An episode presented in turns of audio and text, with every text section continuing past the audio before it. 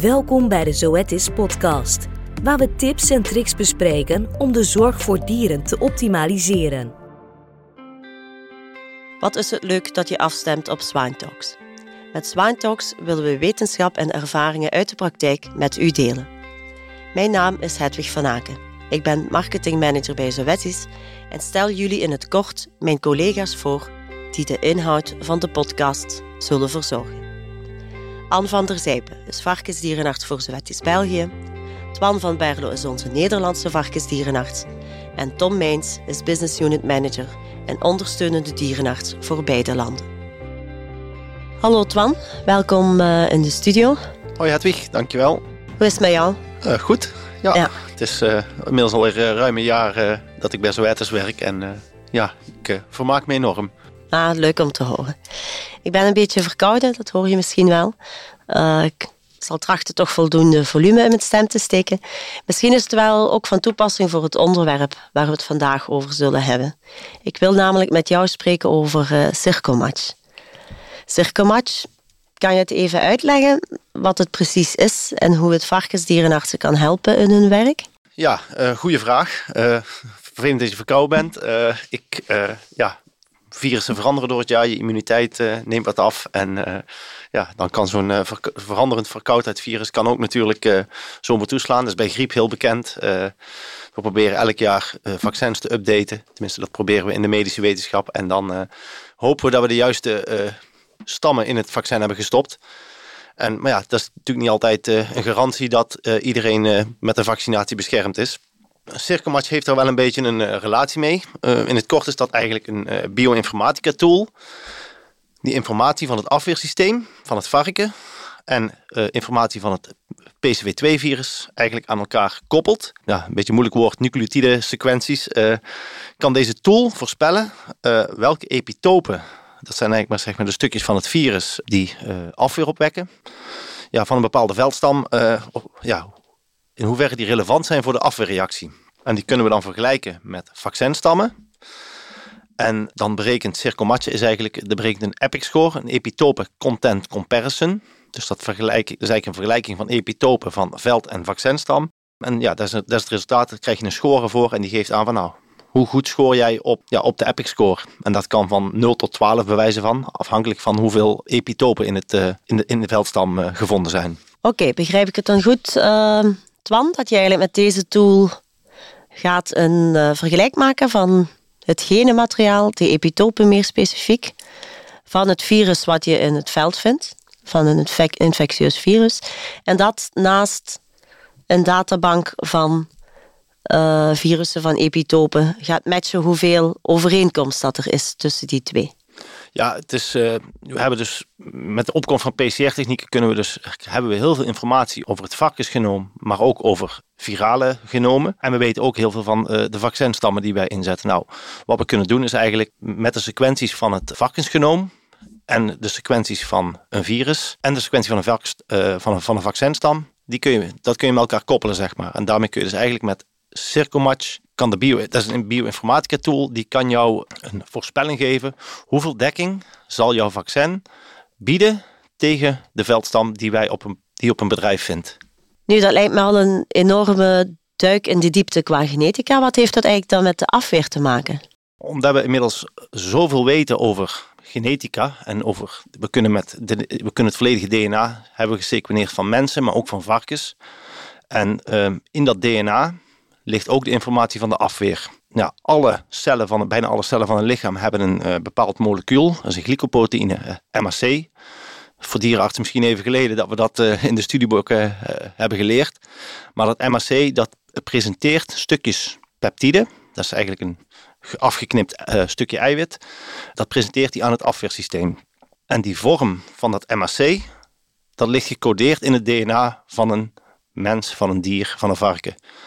En dat bepaalt ook welk stukje peptide dat MSC kan presenteren. Tijdens de ontwikkeling van het afweersysteem wordt er heel streng geselecteerd dat de combinatie van een MAC-molecuul met een stukje peptide, dat het alleen een afreactie opwekt op het moment dat het niet uh, lichaams-eigen is. Want als het lichaam eigen, als het daarop zou reageren, ja, dan zou je heel veel allergische reacties, auto-immuunreacties uh, hebben. Dus daar, daar vindt een strenge selectie plaats, zodat op het moment dat een varken ouder wordt, dat hij alleen reageert op infecties vanuit de omgeving en niet op eigen, uh, lichaams-eigen cellen. Kan je daar wat meer over vertellen, hoe dat in zijn werk gaat, het herkennen van uh, lichaamsvreemde cellen? Eigenlijk alle cellen die een MRC-molecuul hebben, die ja, alle eiwitten die in de cel of die de cel tegenkomt, um, die worden gepresenteerd op het MHC-molecuul. En de afweer scant eigenlijk al die MHC met peptidecomplexen van hey, is hier iets vreemds of is dit lichaams-eigen? Als het lichaams-eigen is, dan gaat hij door. Als het lichaamsvreemd is, dan kan er een uh, afreactie ontstaan. Als een virus dus binnenkomt, kan hij via bijvoorbeeld een dendritische cel, die kan dat virus opnemen, die gaat dat afbreken en die gaat dat eiwit eigenlijk verwerken tot stukjes peptide. En dat gaat hij presenteren op het MHC-molecuul. Nou, die T-cel die daar in de buurt is, die dendritische cel, die, die, ja, die, die maken eigenlijk een, koppeling. En de T-cel herkent dan van, hé, hey, dit is niet van mijn eigen lichaam, dit is lichaamsvreemd. En die gaat dan reageren, die gaat zich delen, die gaat andere cellen uh, activeren, die gaat B-cellen stimuleren om de antistofproductie op gang te brengen. En die afweerreactie zorgt eigenlijk voor de verwijdering van het, uh, van het virus. En op het moment dat dat klaar is, zeg maar, op het moment dat het virus eigenlijk grotendeels verdwenen is, nou dan, dan gaan eigenlijk heel veel van die T- en B-cellen die gaan te gronden, die, die sterven af. Maar er blijven nog wel geheugencellen over. En, en, en die zijn eigenlijk de basis van, uh, ja, mocht ik in de toekomst weer zo'n uh, ziekte tegenkomen, dan heb ik eigenlijk al mijn, in mijn geheugen liggen van, oh ja, dat zijn deze cellen, hup, die ga ik heel snel uh, activeren. En dan heeft zo'n ziekte eigenlijk niet opnieuw kans om toe te slaan. Dan hoop ik dat mijn celletjes veel geheugen opbouwen. Dat ik na deze verkoudheid niet te snel het opnieuw zitten heb. Dus als ik goed begrijp, met de kennis van de afweer en de kennis van de genetische basis en al die epitopen van de ziekteverwekker, kan je voorspellen welke onderdelen belangrijk zijn voor de afweer. Kan je dan ook toelichten of die bioinformatica tools gebruikt worden bij de vaccinontwikkeling? Of wat is de link eigenlijk dat Zoetis heeft met deze nieuwe tool? Ja, kijk, er is nu een hele wetenschap in ontwikkeling, Vaccinomics, en die zijn echt heel erg bezig met, kunnen we nou met de genetische informatie van het afweersysteem en de genetische informatie van een ziektekiem, kunnen we dan voorspellen en, en kunnen we dan vaccins ontwikkelen van nou, want dit zijn de belangrijke dingen voor de afweer, deze stukjes eiwit zijn belangrijk, die stop ik in een vaccin. En dan heb ik een goed vaccin, zeg maar. Dan weet ik gewoon dat het effectief is. Maar het afweerapparaat is ontzettend complex. Er is heel veel genetische variatie in. Dat is ook wenselijk. Uh, je wil zeg maar uh, in een populatie dieren wil je variatie hebben omdat uh, je daarmee aan een breed scala aan ziekteverwekkers beschermd bent. En je kunt dus niet zomaar zeggen van nou ik stop, ik, ik herken dit, dit, is, uh, dit stukje eiwit is heel immunogeen. Ik stop het in een vaccin en ik heb een effectief vaccin sommige uh, stukjes eiwit hebben bijvoorbeeld zitten heel dichtbij lichaams-eigen. En op het moment dat je dat gaat inenten, kun je heel veel uh, bijwerking krijgen. Zo hebben ze bij mensen beschreven dat er een uh, relatie bestaat tussen bepaalde genen in de populatie in de afweer en het ontwikkelen van een heel hoge koorts na een vaccinatie tegen pokken.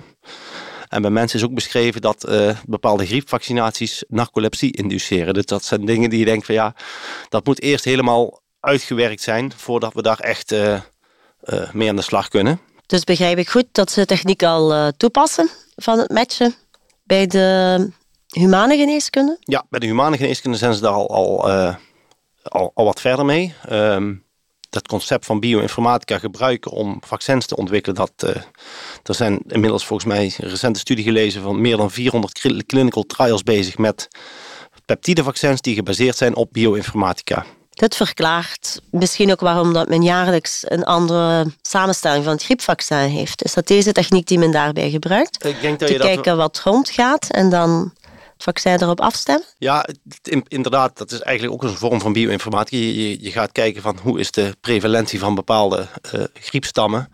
En dan is het uh, voorspellen op basis ja, voorspellen wat, welke stammen zullen waarschijnlijk het komende seizoen vooral in de, in de populatie voorkomen. En die kun je dan in een vaccin stoppen. Alleen soms zijn die voorspellingen niet 100%, maar hoe meer data, hoe meer uh, ervaring je daarmee, hoe beter jouw voorspelling op een gegeven moment wordt. Hebben we recent ook gezien, denk ik, bij de coronavaccins, hè, waar dat het nieuws nog was dat er twee stammen zitten in het uh, huidige coronavaccins waar de gevoelige populatie mee uh, gevaccineerd wordt. Ja, ook in corona. Corona heeft ook, ja, dat hebben we natuurlijk allemaal meegemaakt. Dat dat, uh, begon met een alfa en toen een beta en omicron. En dat is ook een zeer, uh, zeer snel muterend virus. En uh, ja, daar kan, met, met mRNA-vaccins kun je daar heel makkelijk op, op inspelen. Dus ook daarin is inderdaad die, die vaccins, die, door die te updaten, blijf je eigenlijk dichter bij de veldstammen die, die in de populatie leven. Ja, leuk om te horen dat het in de humanen al zo toegepast wordt. Ik ben wel benieuwd wat we er in de diergeneeskunde mee aanvangen. Ik heb wel een vermoeden. Het uh, Circomatch uh, noemt het uh, tool. Kan je even zeggen voor welke ziekteverwekkers dat het wordt toegepast in de diergeneeskunde? Op dit moment zetten we Circomatch inderdaad, zoals de naam zegt, het in voor het circovirus, PCV2. En dat heeft onder andere ook te maken met het feit dat het PCV2-virus eh, een klein virus is. Het is slechts 1700 uh, eh, bazenparen. En eigenlijk alleen het ORF2-stukje, dat is ongeveer 750 bazenparen, die codeert voor stukjes eiwit, voor het capside-eiwit, wat belangrijk is voor de afweerreactie. En aan de hand van de sequentie van ORF2, dat kunnen we gewoon van een veldstam uh, bepalen, kan Circomatch voorspellen welke peptides gepresenteerd zullen worden door het MSC-complex. Epivax, dat is het bedrijf achter uh, Circomatch, heeft uh, dat concept al wel bewezen, ook voor, voor griepvirussen. Ze hebben uit uh, basis van een analyse van veldstammen voorspelden zij eigenlijk dat bepaalde vaccins beter zouden beschermen, beter zouden werken dan tegen andere stammen. En zij vergeleken volgens die, die EPIC score, die Epitope Content Comparison score, met de resultaten van een challenge studie en zagen inderdaad dat een hogere epitope content comparison, EPIC score, dat hij uh, beter, uh, dat hij gerelateerd was aan de bescherming van een, uh, van een, tegen een veldstam. En dus, griep is ook wel een complex, maar ja, circo is een vrij eenvoudig virus. Maar als je dan praat bijvoorbeeld over piers, ook heel belangrijk in de varkensdiergeneeskunde. Ja, dat heeft wel ruim 15.000 nucleotiden, meerdere ORF's. daar zitten ook allemaal verschillende soorten eiwitten in. Dus we zijn op dit moment nog lang niet zo ver dat we daar al iets mee kunnen. Maar ik denk dat we met Circo al een mooie stap maken om dierenartsen uh, tools te geven om goed uh, ja, inzicht te krijgen in van nou, wat voor stam vind ik en waarom zou mijn vaccin mogelijk niet zo goed kunnen werken als ik had verwacht ja, ik kan me wel voorstellen dat je inderdaad uh, bepaalde nieuwsgierigheid gaat opwekken bij dierenartsen, ook voor andere ziekteverwekkers. Mm Eenmaal dat men meer uh, informatie gaat ontvangen van de circomatch. Maar wie weet wat de toekomst brengt en dat we wel uh, andere kiemen ook in beeld kunnen brengen. Kan je ter afsluiting nog even de belangrijkste toepassingen voor circomatch toelichten? Circo verandert, circovirus verandert. we zien dat ook in een internationale genenbank dat van PCV2A naar PCV2B en de laatste 8, 10 tot 10 jaar uh, is PCV2D echt ruim in de meerderheid wat we in de genbank zien. Dan zou het kunnen zijn dat zo'n uh, die nieuwe veldstammen, dat wordt ook wel door uh, wetenschap onderbouwd, dat daar mogelijk dat vaccins mogelijk minder effectief zouden worden dan we zouden verwachten. Dus op basis van ervaring. Omdat circovirus zich zo op de afweer richt, op de cellen van de afweer, dat is waar eigenlijk dat is een van de doelcellen kunnen bij cirkelproblemen ook andere infecties aangewakkerd worden. En eigenlijk in die gevallen is het gewoon goed, altijd goed om uit te sluiten of circo een rol speelt in de, in de infectiedynamiek. Maar ook bijvoorbeeld wanneer uh, prestaties tegenvallen, bijvoorbeeld de groei loopt wat achter, we hebben wat meer, uh, er wordt wat uit elkaar gegroeid, we zien wat meer achterblijvers, her en der wat meer slijters, dan kan subklinische cirkel een rol spelen en dan is het altijd raadzaam om diagnostiek te doen. In de basis kan dat al met bloed- en speekselmonsters. De echte diagnose van circo stel je natuurlijk maar door een combinatie van en kliniek, veel PCV2 in een, uh, in een PCR en dan wil je ook graag de bevestiging met, met de lymfoïde organen. Maar in al die gevallen waarbij je zegt van nou, als dierenarts denkt van nou, hier zou cirkel wel eens een rol kunnen spelen. En ik heb het al gevonden in bij voorkeur bloed of speeksel of uh, bij voorkeur natuurlijk met de diagnose circo. In die gevallen kun je altijd aanvragen van nou, uh, ik zou hier eens graag willen weten of dit mogelijk een veldstam is waar tegen vaccins minder dekking bieden. En ga je dan altijd uh, eerst een PCR toepassen om het type te bepalen en dan next step een cirkelmatch? Ja, in principe is het inderdaad, uh, wat we eigenlijk standaard doen, is inderdaad, we doen een PCR en dan willen we altijd graag weten van welk subtype speelt hier een rol. Um, dat is niet essentieel. We kunnen ook gewoon, op het moment dat we een positieve PCR hebben, kunnen we al direct doorsturen voor uh, sequenering. Dan krijgen we zeg maar de sequentie van het, van het genoom. En met die informatie kunnen wij met Circo-Match eigenlijk een uh, epitope-analyse uit laten voeren. En dan krijgt de dierenarts een, een resultaat waarbij ja, een score wordt gegeven ten opzichte van een vaccin.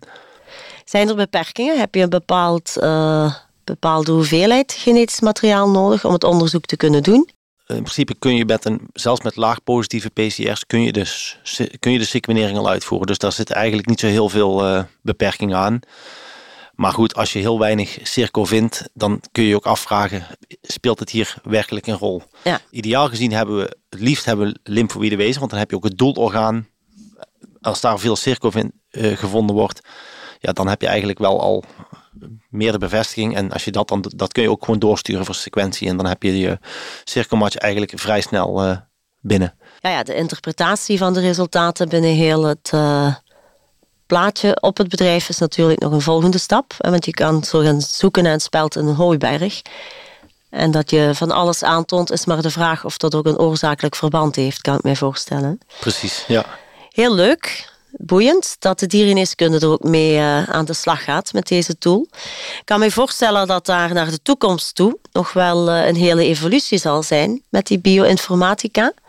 Hoe kijk je daar tegenaan? Wat verwacht je op gebied van varkensgezondheid? Ja, zoals ik het zie is dat eigenlijk... Uh deze, dit soort ontwikkelingen zijn natuurlijk al verregaand in, in de humane gezondheidszorg. Dat zal nog wel even door moeten ontwikkelen, maar uiteindelijk komen veel van die zaken, en zeker de zaken die voor een breed publiek goed inzetbaar zijn, die komen uiteindelijk ook naar, naar, naar de varkensgeneeskunde. en ik denk een bioinformatica tool, dus nu hebben we Circomatch. Het zou me niet verbazen als we in de toekomst ook uh, een piersmatch hebben en een, uh, ja, voor andere, voor een griepmatch, zeg maar. Dus dat, dat het kunnen uitbreiden voor andere kiemen. Voor nu uh, focussen we ons vooral op Circo. Dat is gewoon, uh, dat is al praktisch goed ontwikkeld. En vanwege de eenvoud, eenvoud van het virus is dat goed te onderbouwen. En voor Pier zullen we denk ik nog wel eventjes moeten wachten. Komt eraan. Het gaat soms sneller dan dat we denken in de wetenschappen. Bedankt voor jouw toelichting. En kijk er naar uit om de eerste resultaten te zien binnenrollen. Ja, dankjewel. We danken u van harte voor het beluisteren van deze Swine Talks en verwelkomen u graag in een volgende episode. Deze vind je terug op www.sowettis.be of nl slash diersoort slash podcasts of op uw vertrouwde podcastkanaal.